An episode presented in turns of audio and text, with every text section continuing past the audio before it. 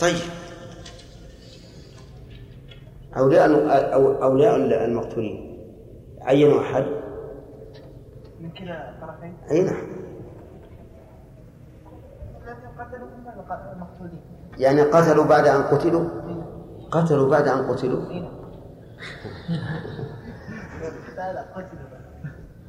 قتلوا بعد أن ها قتلوا قتلوا بعد أن قتلوا من قتلهم؟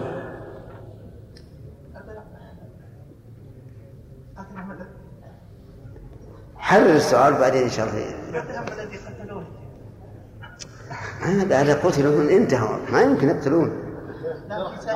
لكن أولياؤهم مثلا جاء أحد وقتل ذولا ولا إيش؟ لا يا شيخ وهم يحتضرون. يعني كان القتل ما هو فكا به. يعني جروح كل واحد جرح الثاني. طيب القسامة ما- قلنا أنها لابد أن تكون على قوم معينين إذا كانوا هذا كلهم ماتوا وش ما الذي يعلمهم؟ ما ندري الآن من القاتل ومن المقتول؟ كلهم ماتوا. انتهى الوقت. انتهى.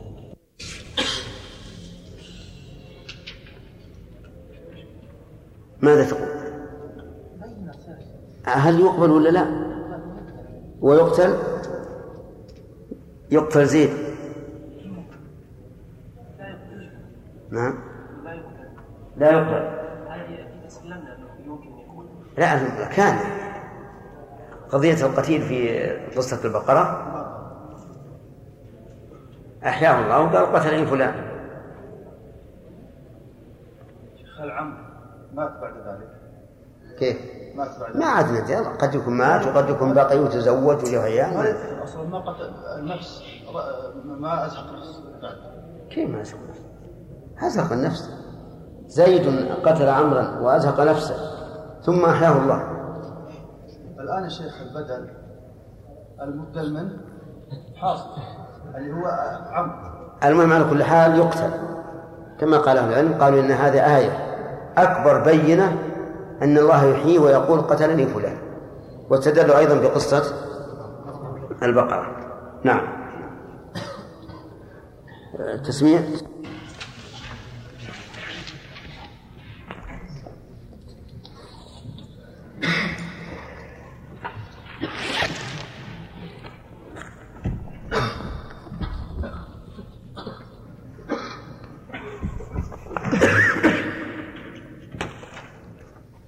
سم. بسم الله الرحمن الرحيم.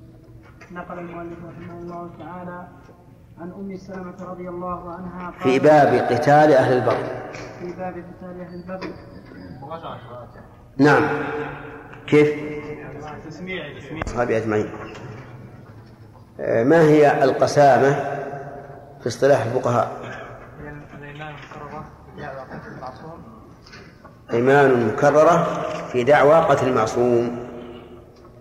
صورتها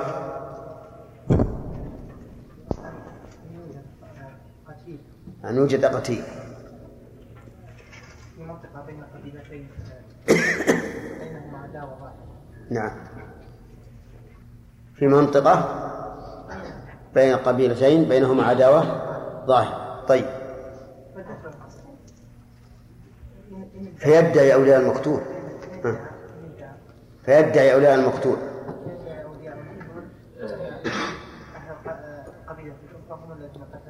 نعم. تمام. تمام. طيب. في الحديث الذي ساقه المؤلف رحمه الله في في هذا الباب يقول إن عبد الله بن سهل ومحيص بن مسعود خرج إلى خيبر من جهد أصابهم. عبد الله وش معنى جهد؟ ها؟ هنا الجوع والمشقة. طيب كيف قال أصابهم؟ ولم مع أنه ذكر اثنين فقط. يجوز أن يكون يخبر المثنى أو يكون مقصود يعني معه غيره. طيب هذا الثاني هو المتعين. كيف قال النبي صلى الله عليه وسلم كبر كبر؟ مع أن صاحب القضية المباشر هو عبد الرحمن بن سهل ها؟ ها؟ الإشكال كيف أن الرسول يقول كبر مع أن الذي يرث الدم هو عبد الرحمن بن سهل لا حويصة ولا محيصة شيخ لأن شاهد القضية صغير صغير السن وبط- يعني آه، والكبير هذا يعني لابد أن يكون قد علم قد علم من أخيه بتفاصيل القضية ولذلك يعني قدمه على على أخيه. يعني معناه أن هؤلاء صغار أن عبد الرحمن بن سهل صغير هذا المراد ذكر القضية دون المطالبة نعم. أو يكون لم يحضر قصة أو يكون صغيرا. نعم. والأقرب أن الرسول أراد أن أن يست- أن يستبين القصة والغالب أن الكبير هو الذي يحفظها. طيب. هل يؤخذ من هذا الحديث تقديم الكبير مطلقا خالد بن حامد؟ إلا إذا كان علم أنه أفصح وأبلغ لا أنا ما هو هذه في القضية هذه مطلقا. يعني في كل شيء. إيش؟ ما بماذا؟ إن كان الصغير أوعى وأحفظ وأبلغ وأفصح فهو يقدم يعني إذا مقيدة بما إذا تساووا في الأوصاف التي يستحق بها العمل المعين إمامة الصلاة أو أذان أو غيرها. واضح؟ فلو كان مؤذنان تشاحا في الأذان ابتداء. أحدهما كبير السن لكن صوته ضعيف والثاني دونه في السن لكن صوته قوي. من نقدم؟ الثاني. طيب. ما معنى قوله إما أن يدعو صاحبكم وإما أن يأذنوا بحرب؟ إما أن يضع صاحبكم آه، يقدمون القاتل يقتص منه. أن يدعو صاحبكم. يد الصاحب اللي هو القتيل وش معنى يدعو؟ يعطون الدية. يعطون الدية نعم. وإما لم يأذنوا بحرب أي إذا لم يعطوا الدية آه، فقد آه، اختلفوا في الوعد الذي وعدوه خانوا العهد وتقام عليهم الحرب. يعني يأذن بحرب يعني يعلن الحرب نعم. طيب. آه، لماذا كانت الأيمان في القسامة خمسين؟ اللي وراء لماذا كانت الأيمان في القسامة خمسين يمينا؟ لعظم شأن النفس. نعم لعظم شأن الدماء ولتأكيد جانب المدعي. تمام. آه، إذا لم يرضى أولياء المقتول بأيمان المدعى, المدعى عليهم ولم يحلفوا. فماذا يكون الحكم يا جمال؟ إذا امتنعوا عن اليمين لا جمال. إلا كان الليلة صارت الجيم كا- كاف. نعم. إذا امتنعوا أن يحلفوا. امتنعوا أن يحلفوا وأبوا أن يرضوا أن يرضوا بأيمان المدعى عليهم ف- فإن ال- على الإمام يدي صار مقتول. إيش؟ يدفع لهم الدين. أن يدفع الدية منين؟ من بيت مال المسلمين. طيب. فإن لم يكن للمسلمين بيت مال؟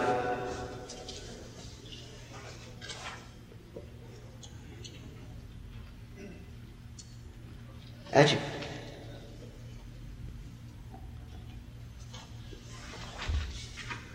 عبد الله؟ ها؟ ليس عليه إجبار أن يدفع شيء إذا لم يكن من بيت مال. يدفع هو الوالد. الوالي ما عنده. شيء ومن بدافع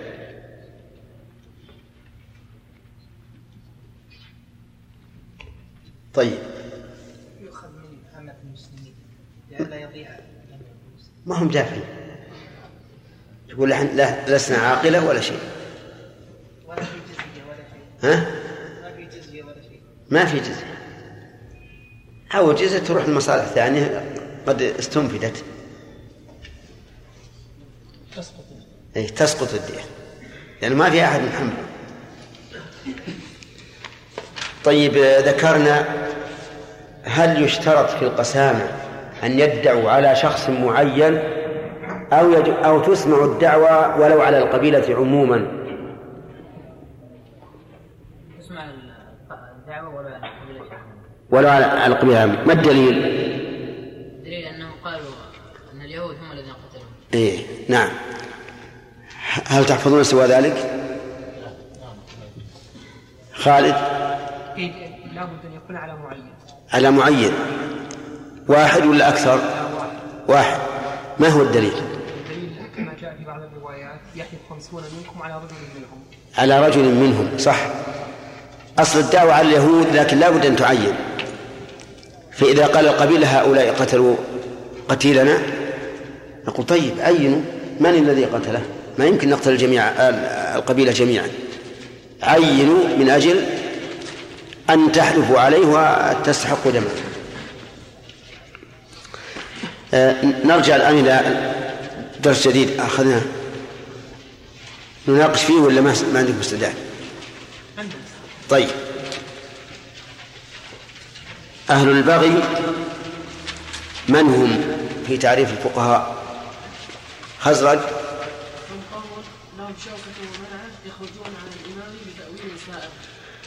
قوم لهم شوكة ومنعة يخرجون عن الإمام بتأويل سائر هؤلاء هم أهل البغي فما الواجب على الإمام نحوهم؟ أن يقاتلهم قبل كل شيء وعلى الرعيه كذلك ان يساعد لكن يجب أن يقاتلهم قبل أي شيء. قبل ذلك يجب أن يكاتبهم حتى يعلم إذا كان عليهم يريدون فيؤديها إليهم فإن أصروا على القتال فيقاتلهم. طيب. إذن الواجب المراسلة قبل كل شيء. ليكشف ما, ما لديهم من شبهات أو يدفع ما لهم من, من مظالم. فإن أبوا وأصروا قاتلهم. طيب. فإن لم يكن لهم شوكة. نعم. سؤال هم خوارج يعتبرون خوارج أي نعم. نحن ذكرنا ذلك في الليلة الماضية لكن الصواب أنهم يكونوا قطاع طريق. الصواب أنهم يكونون قطاع طريق إذا لم يكن لهم شوكة. طيب. لهم شوكة لكن خرجوا بغير تأويل. يعني عاندوا ورفضوا البيعة و- وخرجوا شرافه هؤلاء خوارج نعم. إذا كانوا إذا كان ليس لهم تأويل سائر نعم. ولكن لهم شوكة. فخرج على الإمام فهم خوارج. لكن يشترط بالإضافة إلى ذلك أن يكفروا المسلمين. يعني يخرجوا عليهم على أنهم على أن ال- ال- الإمام ومن معه كفار. فهؤلاء خوارج. طيب. هل يجب على الرعية أن تساعد الإمام في قتالهم؟ نعم. الحاكم في أهل البغي لأن الله أمر بذلك قال قاتلوا التي تبغي حتى تفيء إلى أمر الله. الخوارج هل هم كفار مرتدون؟ يعاملون معاملة الكافر. فإذا مثلا استولي عليهم سبيت نساؤهم وقتل المقاتل منهم أو هم بغاة فسقة. أظن هذا لم نتكلم فيه. ها؟ نعم. هذه المسألة فيها خلاف طويل عريض بين العلماء. يعني أولا لا بد أن نعرف من الخوارج. الخوارج هم الذين خرجوا على الإمام يعتقدون كفرا. يعتقدون أنه كافر. ما هو بتأويل سائغ؟ يقولون إنه كافر فيخرجون عليه يقاتلونه مقاتلة الكفار. الإمام لا بد أن يقاتله فهل هم كفار يعاملون معاملة الكافرين وذلك لأنهم استحلوا دماء المسلمين المحرمة بالنص والإجماع أو إنهم بغاة فسقة يعاملون معاملة البغاة.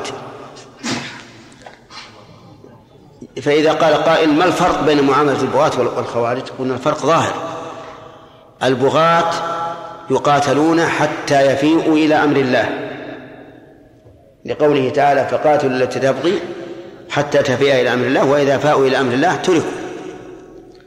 والكفار يقاتلون مقاتلة الحربيين يعني يقتل من يقاتل منهم الخوارج قصدي والخوارج يقاتلون مقاتلة المرتدين إذا قلنا أنهم كفار. فيقتل من يقاتل منهم ويلحق من يفر ويجهز على الجريح وتسبع ذريتهم وتغنم أموالهم. كالحربيين تماما. والمسألة هذه فيها خلاف. فالمشهور من مذهب الإمام أحمد رحمه الله أن الكفار بغاة فسقة لا أصبر. أن الخوارج بغاة فسقة مشهور مذهب الإمام أحمد أن الخوارج بغاة فسقة وليسوا كفارا. فيعاملون معاملة البغاة. إذا انكفوا كففنا عنهم ولا نجهز على الجريح ولا نغنم الأموال ولا نسبي الذرية لأنهم فساق. والفاسق يقاتل على وجه الضرورة حتى يندفع شره وضرره. القول الثاني يقول إن الخوارج كفار. مارقون عن الإسلام.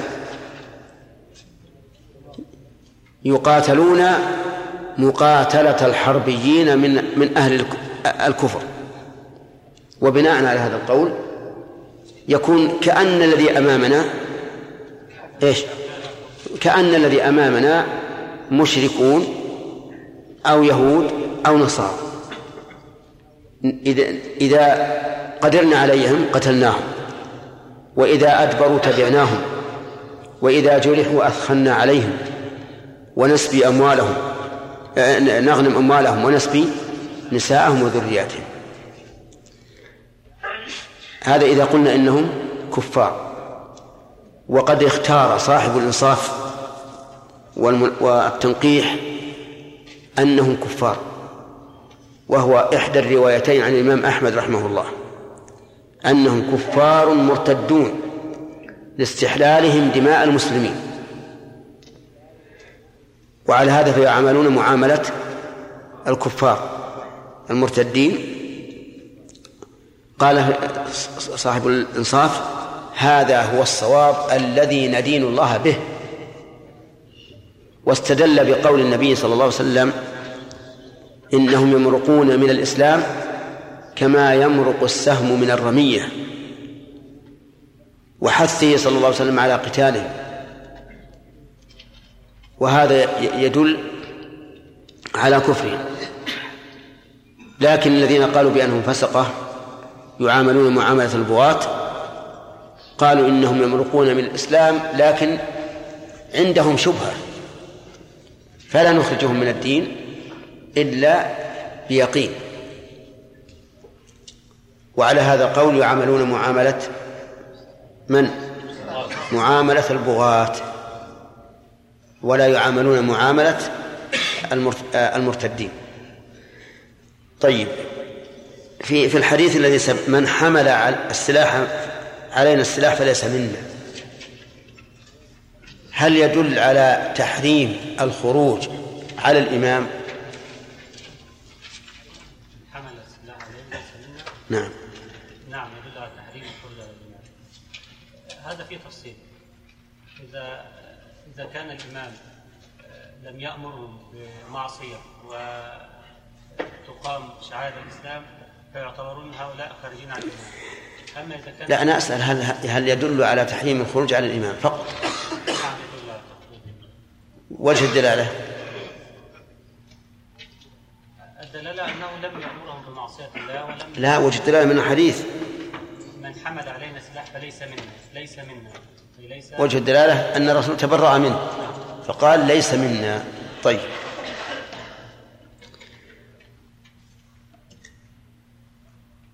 في مر علينا أن من خرج عن طاعة الإمام فإنه يموت ميتة جاهلية. فما معنى الميتة الجاهلية؟ أي أنت؟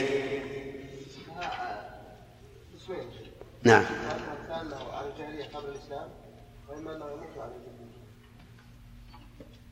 هل طيب وهل هذا يدل على المدح أو على الذم؟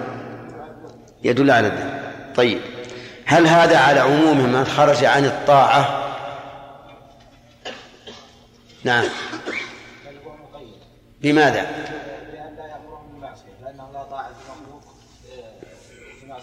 أحسنت. بأن لا يأمرهم بمعصية؟ لأنه لا طاعة للمخلوق في معصية الخالق. طيب فارق الجماعة. ما معنى قوله فارق الجماعة؟ هنا فارق جماعة المسلمين. يعني فنقض البيعة التي للإمام. لأن من نقض البيعة فقد فارق الجماعة. طيب. ثم نبدأ درس الليلة الجديد. ها؟ إيش الراجح؟ نعم. والله أنا أنا أتوقف فيه لأن الأحاديث الذي فيها أنهم يمرقون من الإسلام كما يمرق السهم من الرمية تدل على أنهم كفار. والشبهة التي التي ترد على الإنسان في أنهم إنما فعلوا ذلك فرارا من الكفر كما قال علي بن أبي طالب في بعض الروايات عنه. قال إنهم من الكفر فروا فكيف نكفرهم؟ فأنا متوقف في هذا. ونسأل الله تعالى أن لا نراهم حتى نلجأ إلى اختيار أحد القولين. نعم. الدرس الماضي قلنا إذا اختلنا الشرط فإنهم خوارج لا صححوها. فإنهم قطاع طريق. اختل أي شرط أي نعم. نعم. صححوها جزاكم الله خير. الله ما هي شبهة ذي الخويصرة التميمي؟ نعم. أقول ذي الخويصرة التميمي ما هي شبهة حينما خرج على النبي عليه الصلاة والسلام؟ حين قال إنك لم تعدل. هو؟ ما في الشبهة إلا أنه ظن أن هذا هذا عدم عدل. ظن. وتعرف أن البادية والأعراب أشد كفرا ونفاقا وأجدر أن لا يعلم حدود ما أنزل الله على رسوله.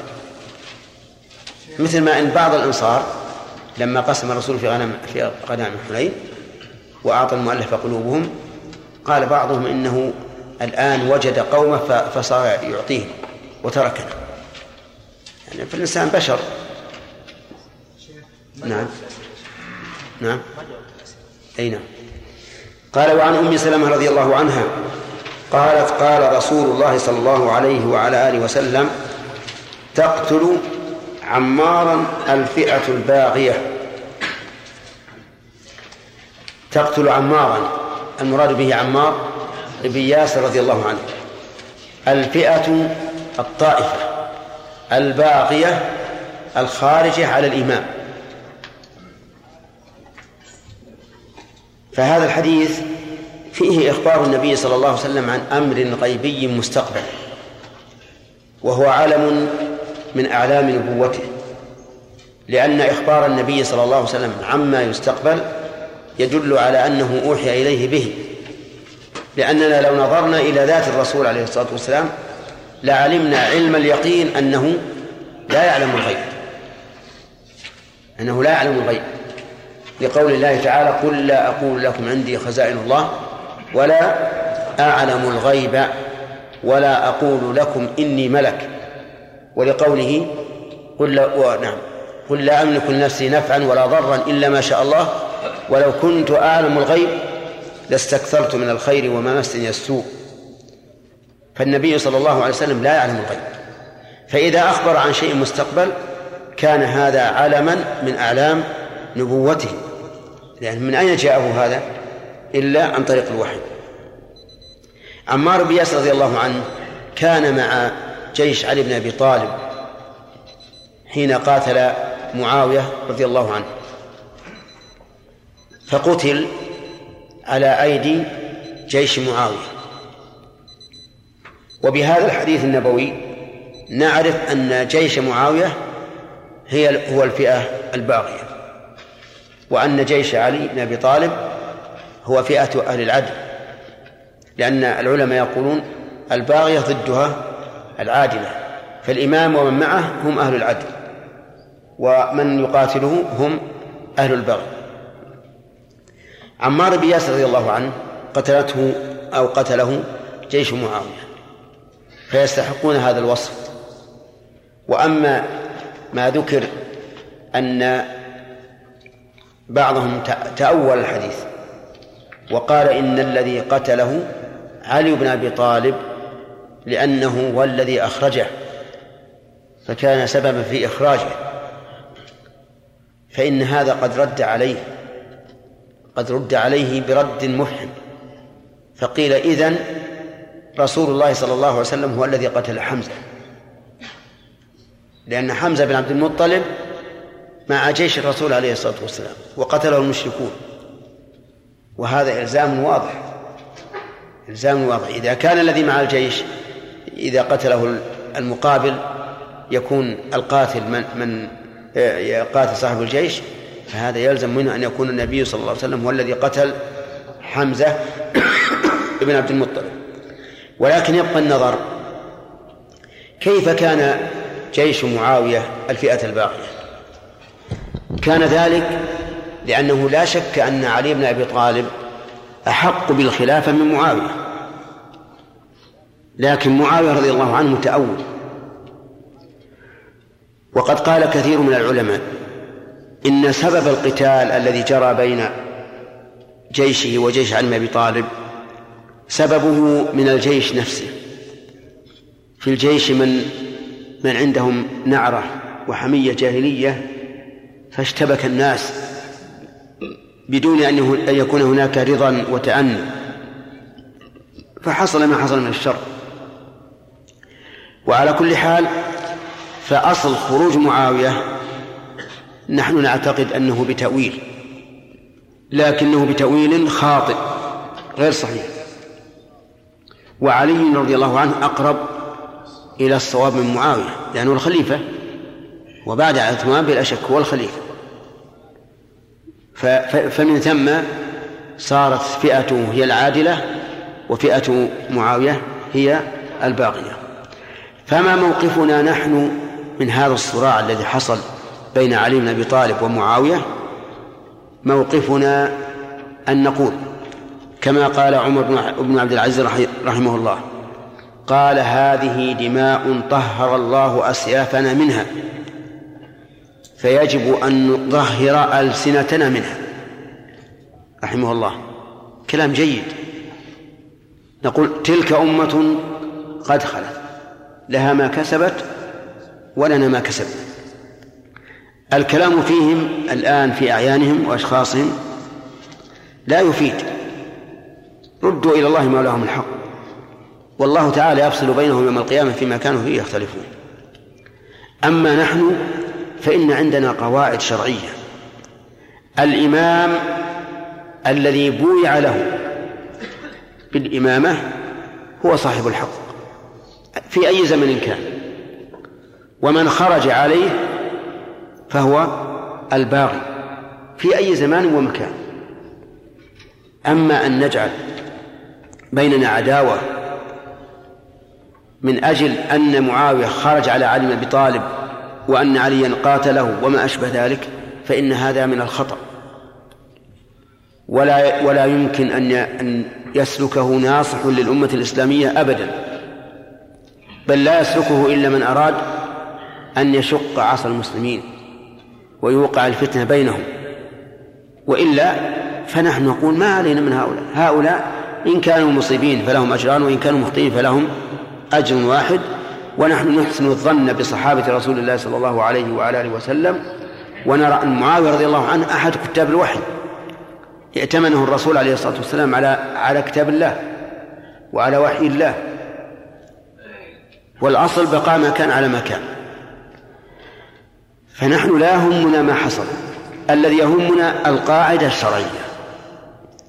وهي أن من بويع له بالإمامة فهو الإمام ومن خرج عليه فهو الباغي وبهذا نسلم ونقول أصلحوا أنفسنا اليوم وأما ما ضاف وأما ما مضى فأمره إلى الله عز وجل. في هذا الحديث من الفوائد أولا علم من أعلام النبوة نبوة محمد صلى الله عليه وآله وسلم وهو إخباره بالغيب.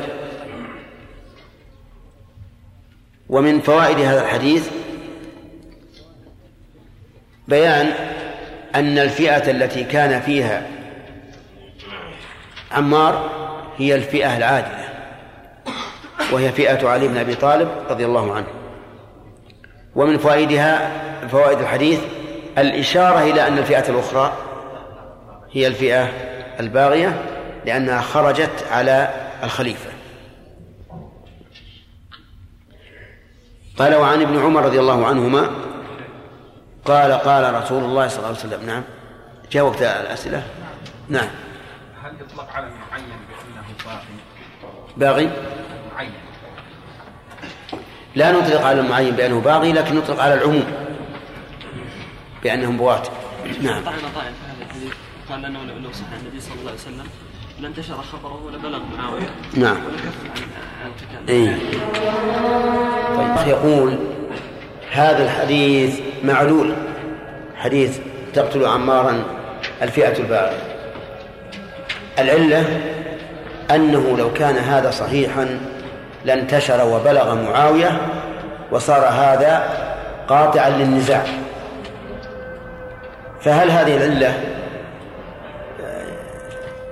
صالحة للطعن في الحديث؟ الجواب؟ لا. وإلا بعض الناس قال هكذا. نقول ليست بقادحة في الحديث. لأنه من الجائز أن أن أن معاوية لم يبلغ هذا. وما أكثر الأحاديث التي تخفى على الأفاضل والأكابر. فهو فها هو حديث الطاعون خفي على من؟ على عمر والصحابة. عمر والمهاجرين والأنصار وكل من معه في الجيش. حتى جاء عبد الرحمن بن عوف وأخبرهم بذلك. يا شيخ ما يخفى على يعني ما يبعد عن الصحابة إنهم ما يبلغوا العلم في مثل هذا الموقف يعني؟ لأنه فتنة كبيرة. ربما يكون. ربما يخفى. وربما إذا جاء من طريق جيش علي يقتح فيه جيش معاوية. يقول هؤلاء يشهدون لأنفسهم فلا نقبل أحسن الله عليكم ذكر شيخ الإسلام رحمه الله ابن تيمية في الفتاوى قال إن معاوية بلغه الحديث. نعم. وإن الذي أورد عليه قتل حمزة هو عمرو بن العاص. إيش؟ إن الذي أورد عليه قتل نعم، نعم. حمزة عمرو بن العاص. أي نعم. فيكون بالغا له الحديث. ذكره الشيخ رحمه الله. وكتب في البداية والنهاية؟ أي إنه بلغه الحديث؟ نعم. وقال عمرو بن العاص إنما قتله من جاء به. أي فرد عليهم علي ونفس الذي رد علي يعني. أي قال إذا رسول الله صلى الله عليه وسلم هو الذي قتل ابن عمه وحمزة على كل حال ي- يبقى هذا الأمر مشكلة. أنه يبلغ معاوية ويستمر في ال... لكن لعل لعل لعل المخرج من ذلك أن نقول إن الجيش لم يكن في استطاعة معاوية أن يوقفه حين خرجوا وتأهبوا. والفتنة نسأل الله العافية مثل النار. لا يستطيع الإنسان أن يطفئها بسهولة. شيخ بلغه بعد أن الذي أبلغه عبد الله بن عمرو بن العاص. نعم. وأبلغه بعد أن قتل عمار. هكذا في البداية والنهاية لابن كثير. على كل حال ما يخالف هو لا يمكن إبلاغه إلا بعد قتله. يعني لا يمكن أن يطبق الحديث إلا بعد قتله. و وبعد وقوع الفتنة. لكن هل انكفوا بعد هذا الحديث؟ نعم. على كل حال كما قلت لكم أولا هذه فتنة يجب علينا أن نطهر ألسنتها منها. ونقول الحمد لله على العافية. نحن نقول إن كان معاوية رضي الله عنه بلغه الخبر قبل القتال ولكنه صمم عليه فهذه زلة نسأل الله أن يعفو عنه وإذا كان لا يبلغه إلا بعد أن انتهى القتال فهذا عذر له. ولكنه مع ذلك علي أقرب منه للصواب. نعم. جماعة من الخوارج أقيمت عليهم الحجة. بعد أن تقام عليهم الحجة أي نعم. نعم نعم. كفار إذا خرجوا على الإمام وقالوا نحن نرى أن الإمام كافر وأن المسلمين اللي معه كفار كفار. نعم. خلاص. نعم. سليم. الله عنك الرسول صلى الله عليه وسلم صرح الخوارج قال من أهل الإسلام كما يمرق من الروميه. نعم. والرسول صلى الله عليه وسلم ما يجي كلام التلبيس. نعم. وكما ذكر عن حاطب رضي الله عنه وارضاه لأن الصحابة كبر عليهم ما جاء عن عن حاطب.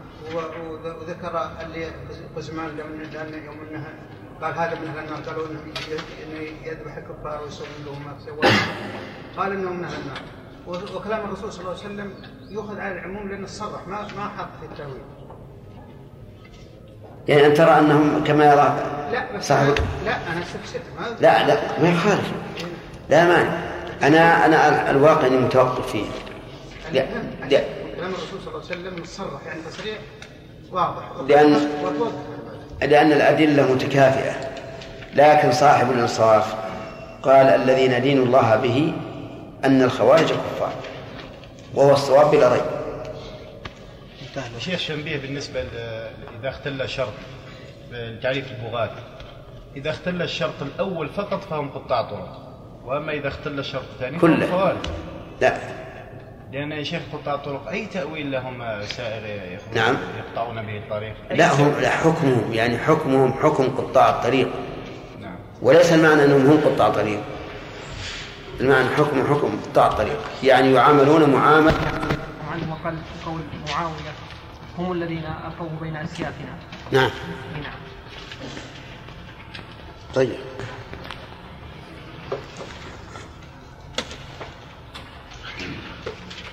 تقرأ علينا؟ يعني كلام يسير بس. طيب اقرأ ما يحتاج. ما يحتاج. ما يحتاج. قال في الفتاوى و صفحة جزء؟ آه، الجزء 35 نعم. والصفحة 76 ثم إن عمارا قال رحمه الله ثم إن عمارا تقتله الفئة الباغية ليس نصا في أن هذا اللفظ لمعاوية وأصحابه بل يمكن أنه أريد به تلك العصابة التي حملت عليه حتى قتلته وهي طائفة من العسكر. ومن رضي بقتل عمار كان حكمه حكمها. ومن المعلوم أنه كان في المعسكر من لم يرضى بقتل عمار كعبد الله بن عمرو بن العاص وغيره وغيره. بل كل الناس كانوا منكرين لقتل عمار حتى معاوية وعمرو ويروى أن معاوية تأول أن الذي قتله هو الذي جاء به دون مقاتليه وأن علي رد عليه هذا التأويل بقوله فنحن إذا قتلنا حمزة ولا ريب أن ما, قال ما قاله علي هو الصواب. وذكر في موضع مواضع عديدة في منهج السنة النبوية كلام يعني على القضية أي نعم. إيه لكن الكلام هل إنه علم به قبل قتله ولا بعد؟ هذا ما طرح على شيء. إيه لا هو هذا ما هو بس ما في إشكال إذا كان بعد. الإشكال إذا كان قبل وأقدم على القتال. إيه نعم. بالتأويل اللي قاله شيخ الإسلام أن العصابة التي فقط اجتمعت على قتله هي ما ما هي بعيدة. لكنه ذكر أحسن الله إليكم من كثير من الصحابة الذين امتنعوا من القتال كأسامة بن زيد وعبد الله بن عمر وسعد بن أبي وقاص إنما يعني رأوا أن هذا قتال فتنة.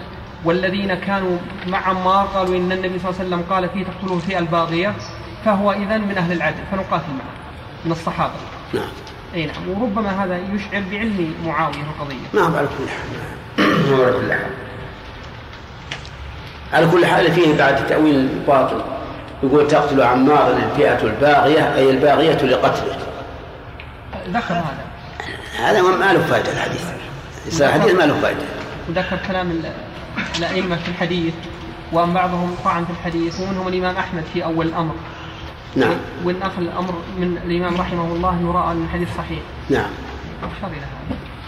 وعلى كل حال هي هي هي فتنة.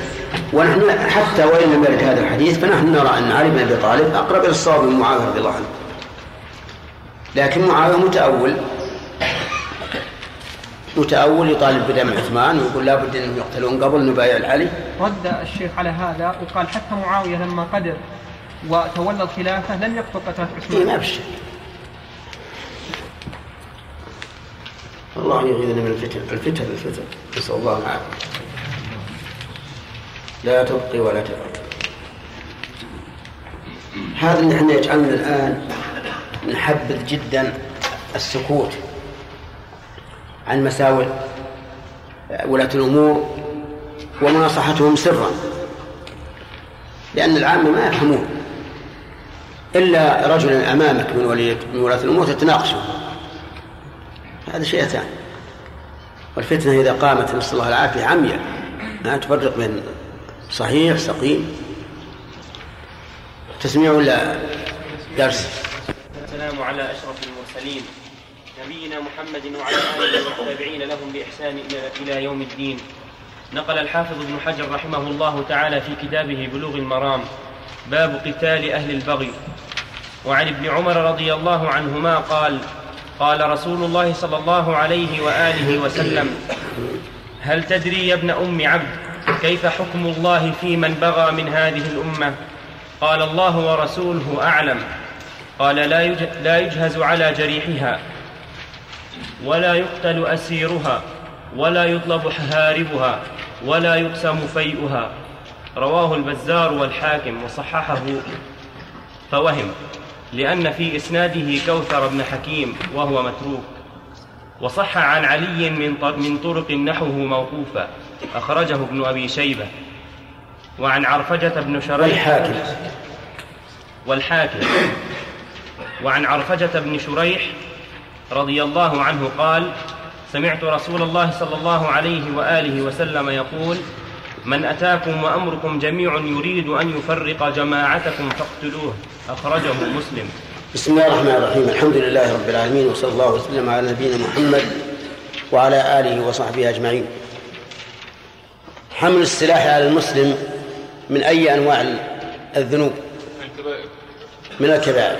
ما الدليل قول النبي صلى الله عليه وسلم من حمل علينا سلاح فليس منا. نعم. وهذا الوعيد لا يقال إلا في الكبائر. إلا في الكبائر. طيب. هل المراد بالحمل حمل السلاح ظاهره أو للقتال به؟ المراد للقتال به. ولهذا قال علينا قوله من خرج عن الطاعة أي طاعة هي؟ أين طاعة ولي الأمر. وهل هذا على إطلاقه؟ لا طاعة بالمعروف عن الطاعة بالمعروف. ما الدليل؟ قال النبي صلى الله عليه وسلم لا طاعة لمخلوق في معصية الخالق وإنما الطاعة طاعة بالمعروف طيب. ما المراد بقول فارق الجماعة أحمد؟ جماعة المسلمين يعني في المساجد. ها؟ جماعة الأمة. يعني آه. الجماعة يعني اجتماع الإمام. من فارقهم مات ميتا الجاهلية. هل المراد من جمع بين الأمرين يا كمال أو من فعل واحدا منهما؟ من فعل واحدا منهما يعني من خرج عن الطاعة فمات. ومن فارق الجماعة؟ طيب. هذا هو الظاهر وأنه لا- ليس بشرط أن يجتمع في حق الأمر تقتل عمارا الفئة الباغية فيه ما يشهد للفصل بين المتقاتلين كيف ذلك؟ يقتل عمار عمار الفئة الباغية. لأن الفئة الباغية التي تخرج على الإمام بتأويل السابق لا لا. وعمار مع مع مع, فئة فئة أخرى باغية تخرج على الإمام فيخرج منها من في هذا الحديث ما يحكم لأحد المتقاتلين. نعم.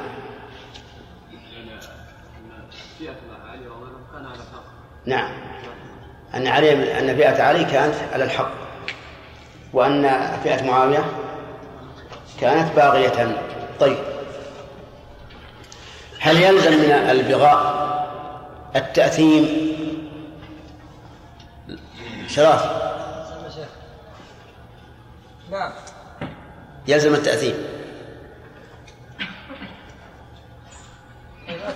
الباقي. نعم لا. إذا معاوية آثم. لا متأول. طيب إذن؟ لا لا يلزم. لا يلزم من البغاء التأثيم.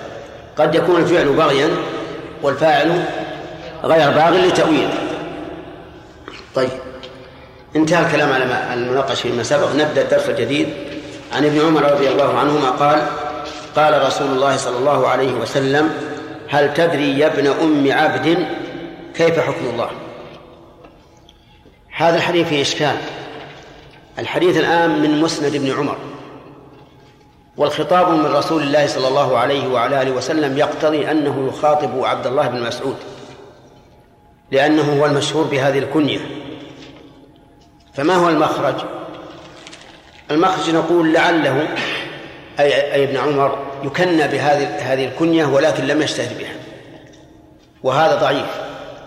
أو يقال لعل ابن عمر رواه عن ابن مسعود وحذف الواسطة بينه وبين الرسول صلى الله عليه وسلم وكان الرسول صلى الله عليه وعلى آله وسلم يخاطب في الأول ابن مسعود. الأمر الثالث آه، وهو خير من ذلك كله أن الحديث متروك. وحينئذ نستريح. حينئذ نستريح. لكن على تقدير صحته وهي وهو وهي بعيدة يكون فيه الاحتمالان السابقان قال تدري كيف حكم الله في من بغى من هذه الأمة؟ قال الله ورسوله أعلم. في من بغى. ذكر الله سبحانه وتعالى البغي في القرآن في طائفتين مقتتلتين تحت راية إسلامية. لقوله وإن طائفتان من المؤمنين اقتتلوا فأصلحوا بينهما فإن بغت إحداهما الأخرى فقاتلوا التي تبغي والغالب أنه أنه إذا خوطب بالجمع في مثل هذا أنه يخاطب به أهل الحل والعقد. فالبغي الذي في القرآن بين طائفتين مقتتلتين تحت إيش؟ تحت إمرة واحدة خلافة إسلامية أو إمامة إسلامية. لكن قد تكون الباغية مع نفس الإمام أو الخليفة الشرعي تبغي عليه. فأيا كان الباغي له الحكم الآتي. قال الله ورسوله أعلم. أعلم هنا مفرد. وهو خبر عن اثنين. الله ورسوله أعلم. وذلك لأن لأن لأن اسم التفضيل يلتزم فيه الإفراد والتذكير. إذا إذا كان على تقدير من. أما إذا لم يكن على تقدير من فإنه يكون مطابقا للموصوف. فتقول زيد وعمر الأفضلان. ولا تقول الأفضل. وتقول زيد وعمر أفضلان ولا ليس على تقدير من. أما إذا كان على تقدير أفضل من كذا أو أعلم من كذا فإنه يلتزم فيه الإفراد والتذكير. قال الله ورسوله أعلم وهكذا ينبغي للإنسان إذا سئل عن شيء لا يعلمه أن يقول الله ورسوله أعلم. في الأمور الشرعية يقوله الآن وقبل الآن. أما في الأمور الكونية فيقول الله أعلم فقط. والفرق أن الأمور الكونية علمها علم غيب محض. والرسول عليه الصلاة والسلام ليس عنده من علم الغيب إلا ما أعلمه الله. أما الأمور الشرعية فعلمها علم شرع. والرسول عليه الصلاة والسلام أعلم الناس بالشرع. حتى وإن كان ميتا فهو أعلم الناس بالشرع.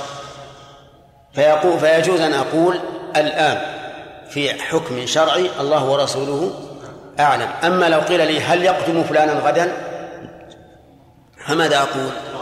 الله أعلم فقط. قال قال يعني في حكم الله لا يجهز على جريحها. يعني أن الجريح من البغاة لا يقتل يترك. ولكن هل يداوى؟ نعم يداوى لأنه مسلم له حرمة ولذلك لم نجهز عليه. بخلاف ما لو جرح كافر من الحربيين فإننا إيش؟ نجهز عليه نقتله. ولا يقتل أسيرها. الأسير من من الأمة الباغية أو من الفئة الباغية لا لا يقتل. والأسير فعيل بمعنى مفعول أي المأسور. الذي أسرناه حيا فإنه لا يقتل. لماذا؟ لأنه مسلم. حرمته باقية. وإنما جاز قتال الفئة الباغية لدفع شرها فقط. وأما أسير الكفار المرتدين وأما أسير الكفار المحاربين فإنه إن كان من من النساء أو الذرية فهو رقيق. بمجرد السبي يكون رقيقا أي مملوكا. وإن كان من المقاتلين خير فيه الإمام بين أمور أربعة القتل والفداء بنفس أو مال والثالث المن مجانا والرابع الاسترقاق على خلاف في الرابع. هذا حكم أسير المقاتل من المحاربين الكفار. فإذا أسرنا من المحاربين الكفار فلنا الخيار. إما أن نقتله صبرا فورا وإما أن نمن عليه بدون شيء. نقول اذهب فأنت الطليق. وإما أن نفدي أن نفادي به بمال أو منفعة أو أسير مسلم. وش معنى بمال؟ يعني نقول نفك أسرك وتعطينا مثلا مئة ألف. أو منفعة نفك أسرك وتعلمنا كيف نشغل هذه الطائرة أو الدبابة التي غنمناها منكم. لأنه ربما يكون عليما بها ونحن لا نعلم. وكما فعل النبي عليه الصلاة والسلام بأسرى بدر حيث آه، طلب منهم أن يعلموا صبيان أهل المدينة الكتاب. الثالث أو فداء أسير مسلم. يكون عندهم أسرى لنا نقول يلا أعطونا أسرانا ونعطيكم أسراكم. الرابع إيش؟ الاسترقاق. بأن يسترقه الإمام كما يسترق النساء والذرية وهذه المسألة فيها خلاف بين العلماء منهم من أجازها ومنهم من قال لا تجوز. ومع ذلك فإنه لا ينبغي المنع إلا إذا أثخن المسلمون بالقتال. كما قال الله تعالى ما كان لنبي أن يكون له أسرى حتى يثخن في الأرض. لأن القتل أنكى للعدو. تريدون عرض الدنيا والله يريد الآخرة. طيب البغاة. لا لا يسترق أسيرهم ولا يقتل. الخوارج.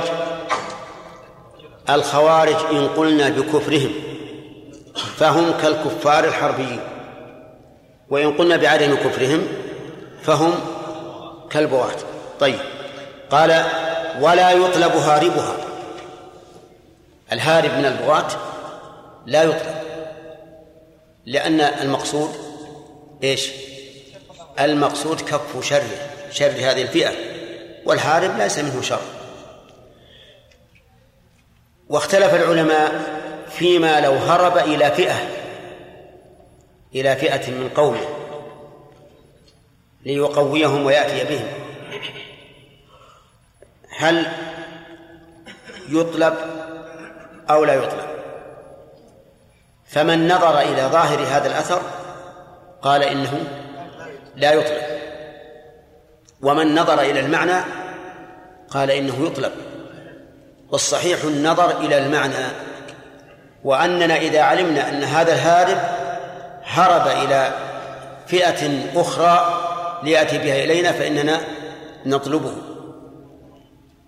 نأسره حتى ينكف شرهم ولا يقسم فيئها لا يقسم فيئها الفيء ما غنم منه من سلاح ومتاع وغير ذلك. لا يقسم أي كما تقسم الغنائم فيما لو كانت من أهل الحرب الكفار. فإن غنائم الكفار تقسم تقسم أولا خمسة أسهم. وخمسة أسهم سهم من هذه الخمسة يقسم خمسة أسهم أيضا. واعلموا أن ما غنمتم من شيء فأن لله خمسه وللرسول وهذا واحد ولذي القربى واليتامى والمساكين وابن السبيل. خمسة أسهم الخمس يقسم خمسة يوزع هكذا. والذي لله ورسوله يجعل في الفي أي في المصالح العامة للمسلمين. وذوي القربى قيل إنهم قرابة الرسول وهو الصحيح وقيل قرابة الوالي ولكنه مرجوح. الأربعة الأخماس الباقية أين تصرف؟ تصرف للغانم للغانمين للغانمين للراجل سهم وللفارس ثلاثة أسهم. سهم له وسهمان لفرسه. هذا في غنيمة من؟ الكفار الحربيين.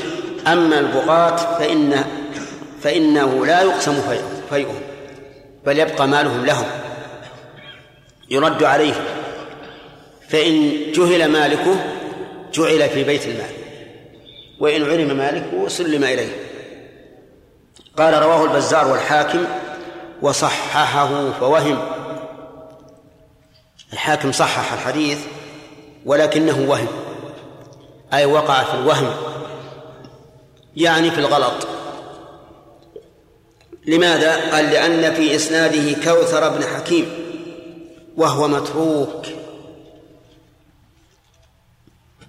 في المصطلح أن معنى قوله المتروك أي متروك الرواية لتهمته بالكذب لأنه متهم بالكذب. فمن اتهم بالكذب سمي متروكا تترك روايته وهو أشد من الفاسق. الفاسق تترك روايته لكن ليس كالمتهم بالكذب لأن المتهم بالكذب عيبه في صميم موضوع الخبر. يعني يتعلق بصميم الموضوع بخلاف الفاسق فإن فسقه عام. لكن يقول وصح عن علي نحوه موقوفا. أخرجه ابن أبي شيبة والحاكم. صح عن علي بن أبي طالب رضي الله عنه موقوفا أي من قوله. وقوله رضي الله عنه هو محض القياس. يعني هذا الأحكام الآن ثابتة. لكن هل ثبتت بحديث مرفوع أو بموقوف؟ نقول ثبتت بحديث موقوف. لكنه محض القياس والموافق للحكمة. وعلي رضي الله عنه أحد الخلفاء الراشدين الذين لهم سنة متبعة حتى وإن لم نعلم حكمتها. إذا لم تخالف سنة الرسول صلى الله عليه وعلى آله وسلم. وعلى هذا فالأحكام الموجودة ثابتة. ونرجو الآن نأخذ من هذه من هذا الأثر الفوائد. انتهى الوقت. إيه دخل الوقت؟ طيب. نعم. في قول ولا يطلب هاربها. نعم. قلنا إذا علمنا والحقيقة أن الهارب ما يمكن إلا بعد أن يقبض عليه لا لا لا. لا لا. ما يمكن يقتل لأنه مسلم. قلت يا شيخ أنت إذا علم. إذا علم فإنه يطلب. لكن لا يطلب يقتل يقتل يطلب ويؤسر حتى يفك سر كيف يعلم؟ ها. إذا علمنا أن هناك فئة وراء الأكمة. أو وراء الجبل مثلا. هنا. نعم شرافي. بارك الله فيك. قلنا أن النساء والذرية مشتركون. ولكن في الوقت الحاضر الان قد يكون بعض النساء أخطر من الرجال؟ قد تكون مسلحة قد تكون طيارة قد يكون عندها صناعات وما أشبه ذلك. أحسن ولو كانت في في قسمك كان طيب يا محمد. يا ريت لكن شيخ قد تكون خطيرة اذا استرقت لا الرقيق ما يقدر يتحرك. لكن على كل حال يجب أن تلاحظ هذا. يجب أن تلاحظ هذا. الشيخ الفاني والكبير وما أشبه ذلك ذكروا أنهم آه، لا يقتلون إلا إذا كان لهم رأي في الحرب أو مكده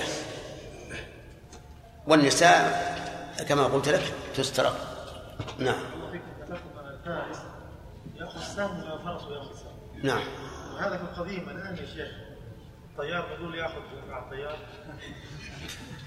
نعم. هذا وجيه نعم. إي نعم.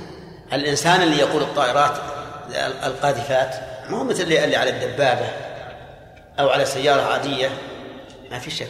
يعني الفار الفرس يقابله الطياره النفاثه يأخذ أكثر. سعد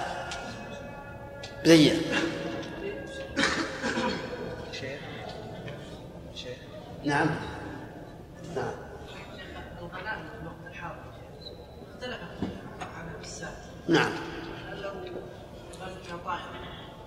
كيف للرجل تكون فائدتها للجيش أكثر لا هو بارك الله فيك الغنائم حتى لو غنمها واحد ما تكون له.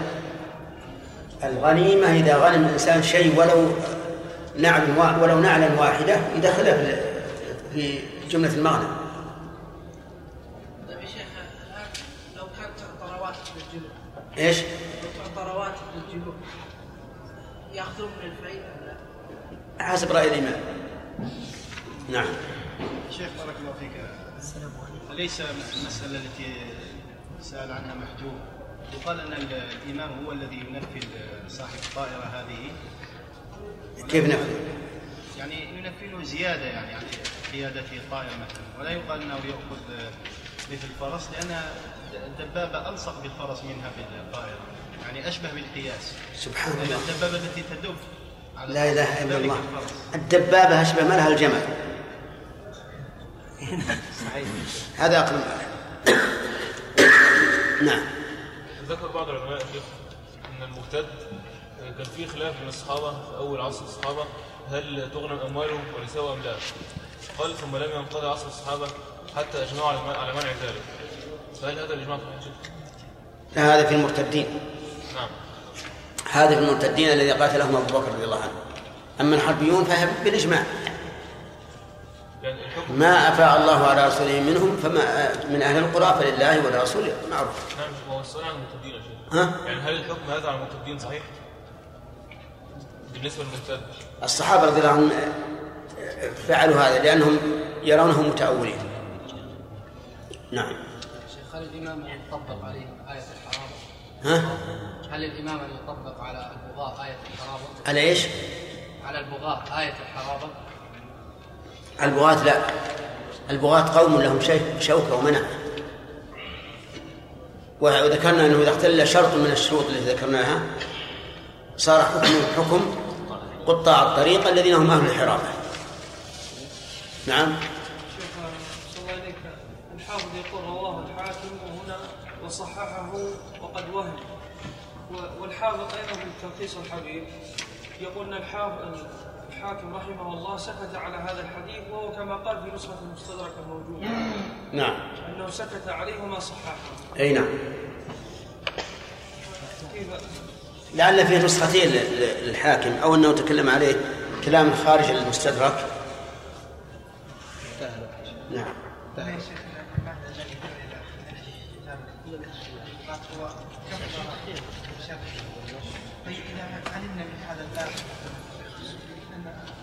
أن- أنه لا يكف شر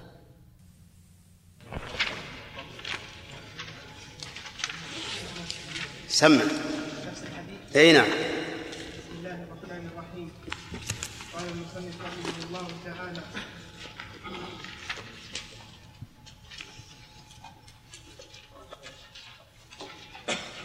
عن ابن عمر رضي الله عنه فيما نقله فيما نقله عن ابن عمر رضي الله عنهما قال قال رسول الله صلى الله عليه وسلم. هل تدري يا ابن أم يا ابن أم يا ابن- أم. عبد كيف حكم الله في من بغى من هذه الأمة؟ قال الله ورسوله أعلم. قال لا يجهز على جريحها ولا يقتل أسيرها ولا يطلب هاربها ولا يقسم فيئها رواه البزار والحاكم. وصححه فوهم لأن في إسناده جوهر بن حكيم وهو متروك وصح عن علي من طرق من طرق له موقوفا. أخرجه ابن أبي شيبة والحاكم. بسم الله الرحمن الرحيم. الحمد لله رب العالمين. صلى الله وسلم على نبينا محمد وعلى آله وأصحابه أجمعين. الحديث هذا هل تدري يا ابن أم عبد وجدته في القرطبي. هل تدري يا عبد الله؟ يا عبد الله. فإذا لابد أن يرجع للأصول. إذا كان أحد عنده أصل الحاكم أو البزار. يراجع علم. في هذا الحديث فوائد. الفائدة الأولى عرض المسائل على الطالب للتنبيه لقوله هل تدري كيف حكم الله؟ ومنها أن الإنسان إذا كان لا يعلم يقول الله ورسوله أعلم وهو أحسن من قوله لا أعلم. وإن كان لا أعلم لا بأس بها وهي كما قيل نصف العلم. لكن إذا قال الله ورسوله أعلم كان هذا ألطف في الجواب وفيه إسناد العلم إلى عالمه وهو الله عز وجل ورسوله صلى الله عليه وعلى آله وسلم. ومن فوائد هذا الحديث أن البغاة لا يجوز الإجهاز على جريحهم. لقوله لا يجهز على جريحهم وذلك لأنهم لم يكفروا وإنما خرجوا بتأويل. ومن فوائده أنه أيضا لا يقتل أسير البغاة وإنما يؤسر حتى تنطفئ الفتنة ثم يطلق. ومن فوائدها أنه من فوائدها أنه لا يطلب هارب البغاة. بخلاف هارب الحربيين فإنه يطلب حتى يقتل. قلنا إن بعض العلماء استثنى ما إذا هرب إلى إلى طائفة يقويها فحينئذ يطلب ولكن لا يقتل يؤسر حتى تزول الفتنة. ومن فوائد الحديث أيضا أنه لا يقسم ما غنم من أموالهم لقوله ولا يقسم فيئها ولكن ماذا ماذا نعمل به؟ يرد إلى صاحبه إن كان معلوما وإلا صرف في بيت المال. ومن فوائد الحديث الإشارة إلى أنه لا ضمان بين أهل العدل والبغاة فيما تلف من نفس ومال. بمعنى أنهم لا يضمنون ما أتلفون ما أتلفوا لنا من الأنفس والمال ولا نضمن ما أتلفنا لهم من الأنفس والمال. وهذا هو الذي حصل من أمير المؤمنين علي بن أبي طالب رضي الله عنه. ومن من فوائد هذا هذا الحديث أن التأويل له شأن في تغيير الحكم. فمثلا هؤلاء الذين قاتلوا المسلمين لما كان قتالهم بتأويل كان لهم هذه الأحكام. ولو خرجوا بغير تأويل لكان لهم أحكام أخرى غير غير هذه ولوجب عليهم أن يضمنوا ما أتلفوا على المسلمين من مال و و ودم. ومن فوائد الحديث الأخير وأظن شرحناه. كيف؟ وعن عرفجة وعن عرفجة بن شريح رضي الله عنه قال سمعت رسول الله صلى الله عليه وعلى آله وسلم يقول من أتاكم وأمركم جميع يريد أن يفرق جماعتكم فاقتلوه أخرجه مسلم. من أتاكم يعني أي إنسان يأتيكم وأمركم جميع على رجل واحد. يريد أن يفرق جماعتكم فاقتلوه. حدا. ولا ينتظر به. ولا يحبس. وإنما يقتل فورا. دفعا لشره. وقوله أمركم جميع يعني مجتمع. على أمير على أمير واحد.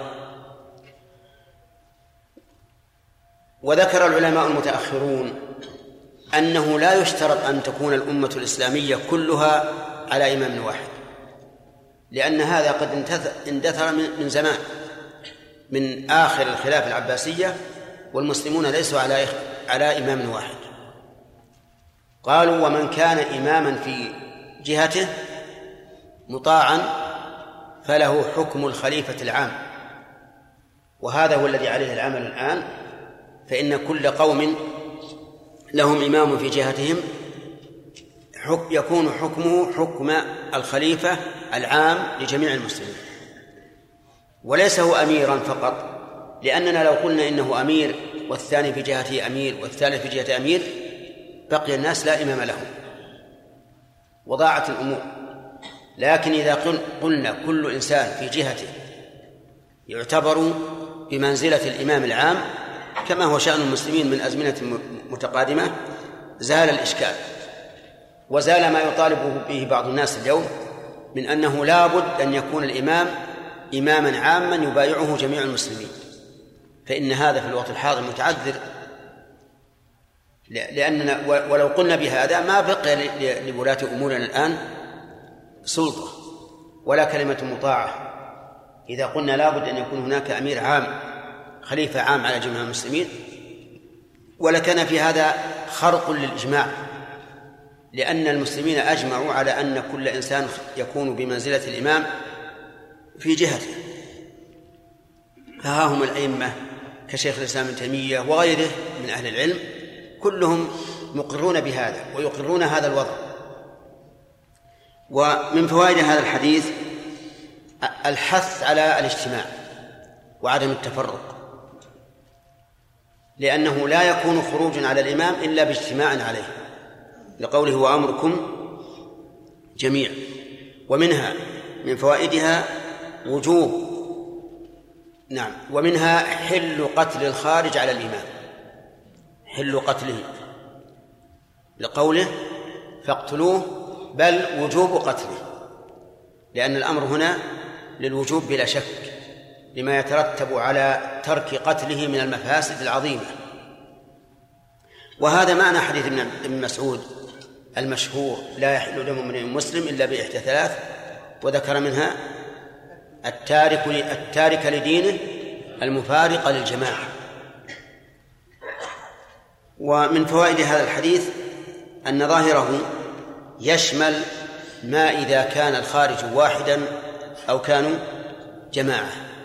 لكن سبق أنه إذا كان لهم شوكة ومنعة وخرجوا بتأويل سائق فهم بغاة. أما إذا لم يكن لهم شوكة ومنعة أو خرجوا بغير تأويل بل قالوا نحن نريد السيطرة على الحكم بغير, بغير تأويل فإن حكمهم كقطاع الطريق. نعم. ثم قال المؤلف رحمه الله باب باب قتال الجاني وقتل المرتد. الأول قال قتال والثاني قال قتل وبينهما فرق فالقتل ليس فيه مغالبة والقتال فيه مغالبة من الجانبين لأن المفاعلة تكون بين اثنين فصاعدا أما المرتد فيقتل بدون مقاتلة ولا ثم عد ينظر في قبول توبته كما سيأتي إن شاء الله. فمن هو الجاني؟ الجاني هو كل معتدي. ومنه أي من الجاني أو من الجنات الصائل على الإنسان. إذا صال إنسان عليك يريد يريد نفسك يريد مالك يريد أهلك فهذا جاني. لك أن تقاتله وتدافعه بالتي هي أحسن. فإن لم يندفع إلا بالقتل فلك قتله. لأنه جان معتدي فإذا لم يندفع دافعته بالتهديد أو بأي شيء آخر ولكنه أبى إلا أن يعتدي ويجي ويعتدي ويجني عليك فلك قتله. ثم ذكر المؤلف أحاديث في هذا فقال عن عبد الله بن عمر قال قال رسول الله صلى الله عليه وسلم من قتل دون ماله فهو شهيد. رواه أبو داود والنسائي والترمذي وصححه. وليت المؤلف ذكر الحديث الآخر الذي أوفى من هذا أن رجلا سأل النبي صلى الله عليه وسلم عمن أراد ماله أو نفسه قال قاتل. قال أرأيت يا رسول الله إن قتلني؟ قال فأنت شهيد. قال أرأيت يا رسول الله إن قتلته؟ قال فهو في النار. وهو أوفى من الحديث الذي ذكره المؤلف. لأن الحديث الذي ذكر المؤلف يدل على أن الذي يقتل دون ماله يعني رجل يدافع عن ماله فقتل أنه شهيد لأنه قتل ظلما. هذا الحديث فيه دليل على فوائد. أولا جواز مدافعة الإنسان عن ماله. جواز مدافعته عن ماله. والتعبير بالجواز هل هو لنفي التحريم فلا ينافي الوجوب أو هو جائز حكما. والفرق بينهما واضح. إذا قلنا الجواز لنفي التحريم صار لا ينافي الوجوب وعلى هذا فيجب عليه أن يدافع عن ماله. ولكن الأمر ليس كذلك. بل المدافعة عن المال جائزة وليست وليست بواجبة. ووجه هذا أن للإنسان أن يتبرع بماله لأي واحد من الناس. ولو كان يجب عليه أن يحفظ ماله لنفسه حرم عليه أن إيش؟ أن يتبرع به لأحد. إذن فله أن يدافع عن ماله ويقاتل. فلو جاءك إنسان وقال أعطني السيارة أنا أريد سيارة قصد تقول لا. إن قاتلك فقاتله فإن لم يندفع إلا بالقتل فاقتل فإذا قتلته فهو في النار وإذا قتلك فأنت شهيد. وهل يلزمه الدفاع عن نفسه وعن حرمته؟ الجواب نعم يلزمه أن يدافع عن نفسه وعن حرمته إلا إذا كان في زمن فتنة فإنه لا يلزمه الدفاع لأنه إذا دافع فربما تراق دماء كثيرة بسبب مدافعته لأن المقام مقام فتنة. ربما إذا قتل هذا الصائل في الفتنة تقتل جميع قبيلته. ولهذا لما طلب من أمير المؤمنين عثمان بن عفان رضي الله عنه أن يقاتل دونه حين حصر في بيته أبى وقال لا تقاتل لأنه خاف أنه يكون بالمقاتلة. تراق دماء كثيرة في مدينة رسول الله صلى الله عليه وعلى آله وسلم. فاستسلم رضي الله عنه حتى قتل. وهذا لأن النبي صلى الله عليه وسلم قال إنها ستكون فتنة فكن فيها عبد الله المقتول ولا تكن القاتل. لأن الفتنة نسأل الله يقينا وإياكم شرها ليست بهينة. غوغاء الناس وعامتهم والجهال والسفهاء كلها تطيش. كما يطيش القدر من فوق النار فيراق يمينا وشمالا إذا يلزم الدفع عن نفسه إلا في إلا في الفتنة. فكن فيها عبد الله المقتول ولا تكن القاتل. أما إذا كان في غير فتنة فيجب أن يدافع عن نفسه لأنه مأمور بحفظ نفسه. قال الله تعالى ولا تقتلوا أنفسكم ولا تلقوا بأيديكم إلى التهلكة. ومن فوائد وطيب هل يلزمه أن يدافع عن حرمته؟ نعم يلزمه. لو أن أحدا حاول أن يزني بامرأته والعياذ بالله فيجب أن يدافع. فإن لم يندفع الجاني إلا بالقتل فله قتله له نفي للتحريم ولا إباحة؟ نفي للتحريم. يعني لا يحرم القتال لكن يجب القتال. يجب أن يقاتل دفاعا عن حرمته. واختلف العلماء في في الدفاع عن مال غيره والصحيح أنه لا يلزم الدفاع عن مال غيره كما لا يلزم الدفاع عن مال نفسه لأن مال غيره إن كان بيده أمانة فأقل ما فيه أنه سيضمنه إذا كان متعديا مفرطا وضمانه من ماله. من فوائد هذا الحديث أن من قتل دون ماله فهو شهيد وكذلك من قتل دون نفسه أو قتل دون حرمة من باب أولى. ومن فوائده أنه لا يغسل ولا يكفن. ولا يصلى عليه ويدفن مع المسلمين. أعني المقتول ظلما. لا يغسل ولا يكفن ولا يصلى عليه ويدفن مع المسلمين. لماذا؟ لأنه شهيد والشهداء لا يغسلون ولا يكفنون ولا يصلى عليهم ويدفنون إن كانوا في قتال في مصارعهم ولهذا لما جيء بشهداء أحد إلى المدينة أمر النبي صلى الله عليه وسلم بردهم إلى مصارعهم في أحد. حتى يخرجوا يوم القيامة من المكان الذي قتلوا فيه. طيب هذا هو وهذا الذي قلته الآن هو المشهور من مذهب الإمام أحمد رحمه الله. أن المقتول ظلما حكمه حكم المقتول في سبيل الله في أنه شهيد دنيا وأخرى. وقيل لا بل هو شهيد أخرى وليس شهيد دنيا. وعللوا وعللوا ذلك بأن هناك فرقا بين هذا الذي قتل ظلما وبين المقتول في سبيل الله. المقتول في سبيل الله بذل نفسه اختيارا وعرض رقبته اختيارا لأعداء الله لتكون كلمة الله العليا. وهذا الرجل الذي قتل ظلما الذي قتل ظلما قتل اختيارا ولا اضطرارا؟ اضطرارا. فبينهما فرق عظيم.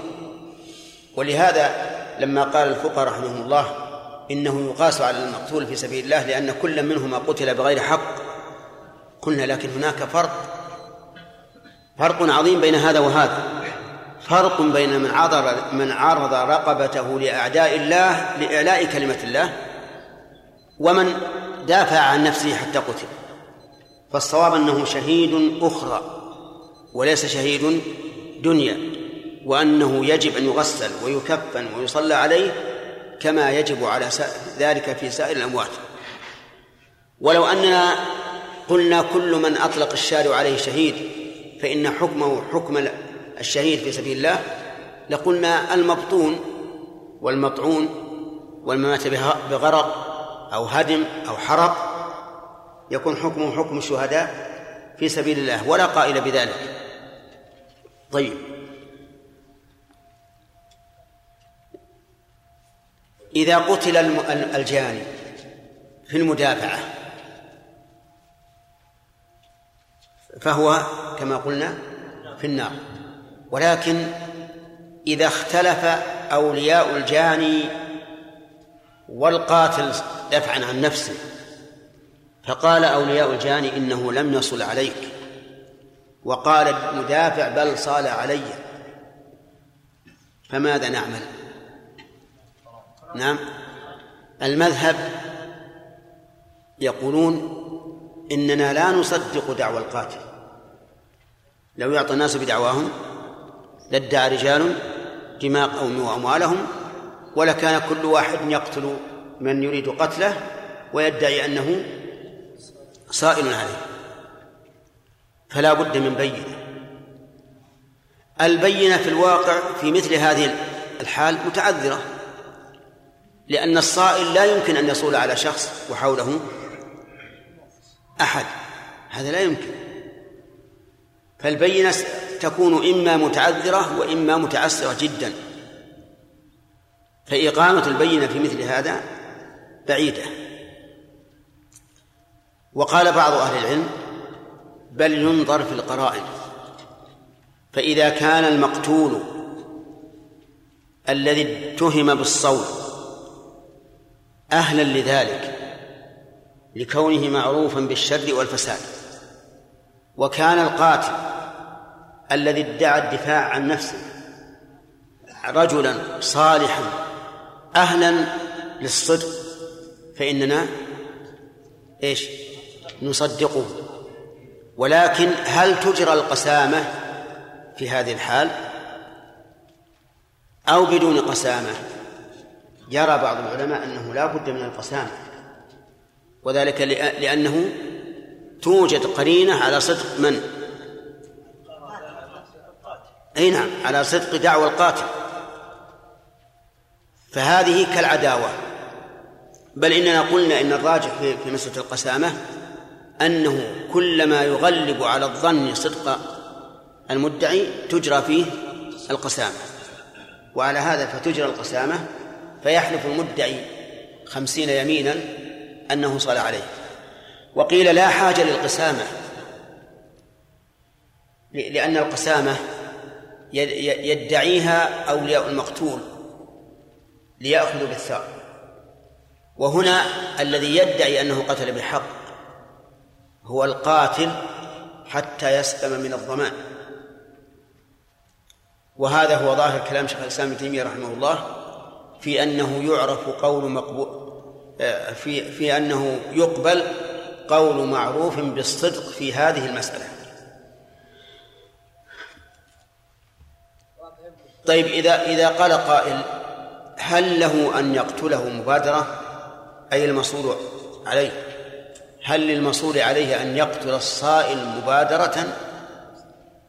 أو يدافعه بالأسهل في الأسهل؟ نعم الواجب أن يدافعه بالأسهل في الأسهل لأن المقصود كف شره. إلا إذا خاف أن يبدره بالقتل فله أن يبدره بالقتل. يعني لو كان قد أشهر المسدس أمامه وخاف أن يطلق عليه الرصاص فله أن يبادره بالقتل. لكن إذا أمكنه أن يكسر يده التي أشهر بها المسدس مثلا فإنه يفعل ذلك ولا يقتله لأن كسر اليد قد يحصل به المقصود. إذا كسر سقط منها المسدس أو السلاح وسلم من القتل. نعم. ثم قال وعن عمران بن حصين رضي الله عنه قال قاتل يعلى بن أمية رجلا فعض أحدهما صاحبه فانتزع يده من فمه فنزع ثنيته. فاختصما إلى النبي صلى الله عليه وعلى آله وسلم فقال يعض أحدكم أخاه كما يعض الفحل لا دية له متفق عليه واللفظ لمسلم. القصة معروفة. قاتل آه، يعلى بن أمية رجلا والمقاتلة المشادة والإمساك بالأيدي وما أشبه ذلك. ولا يلزم أن يكون سلاحا ولا يلزم أن يكون بسلاح. فعض أحدهما يد صاحبه. عض أحدهما صاحبه فانتزع يده من فمه. كأنه والله أعلم أن أحدهما لما أهوى بيده التقمها الثاني بفمه ثم عضها. فالثاني آه، أخرج يده. من فمه لأنه ما ما يمكن يبقي يده حتى يمضغها الرجل ويقطعها. فهو لا بد أن يخرج يده. فانتزع ثنيته. نخلي نقف.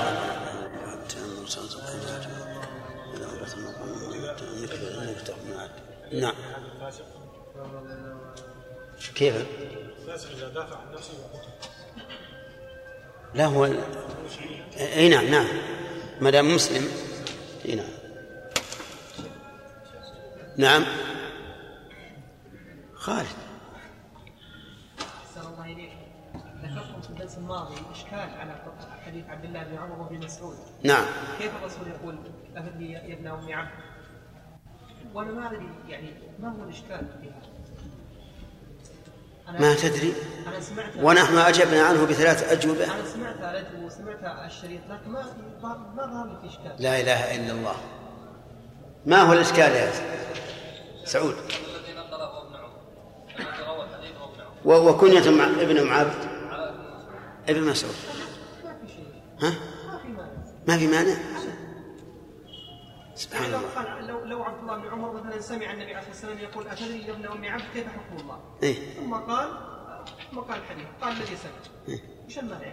هذا أحد الوجهين اللي رديناه لكن وش اشكال الآن ما يمكن الرسول يخاطب ابن عمر ويقول يا ابن ام عبد.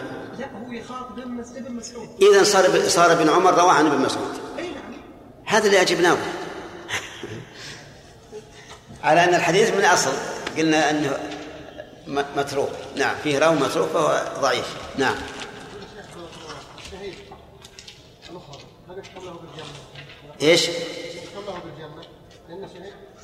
شوف بارك الله فيك النصوص العامة ما تطبق على الأعيان.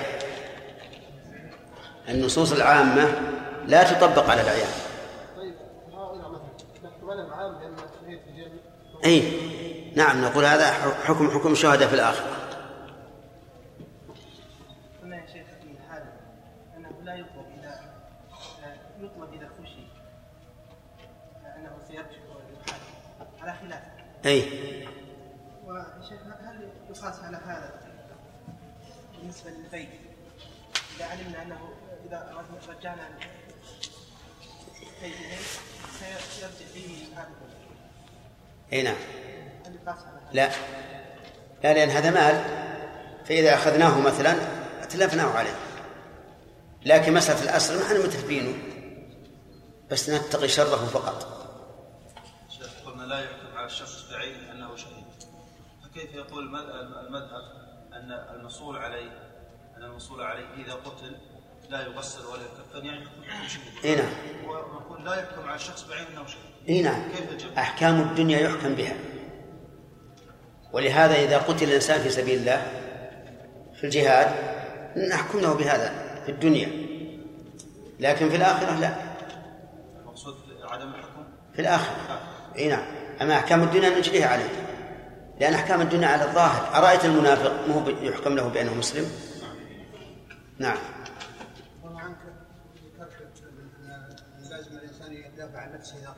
اصيب عليه بني آدم إلا في فتنة. نعم إلا في مثل ما ذكر عن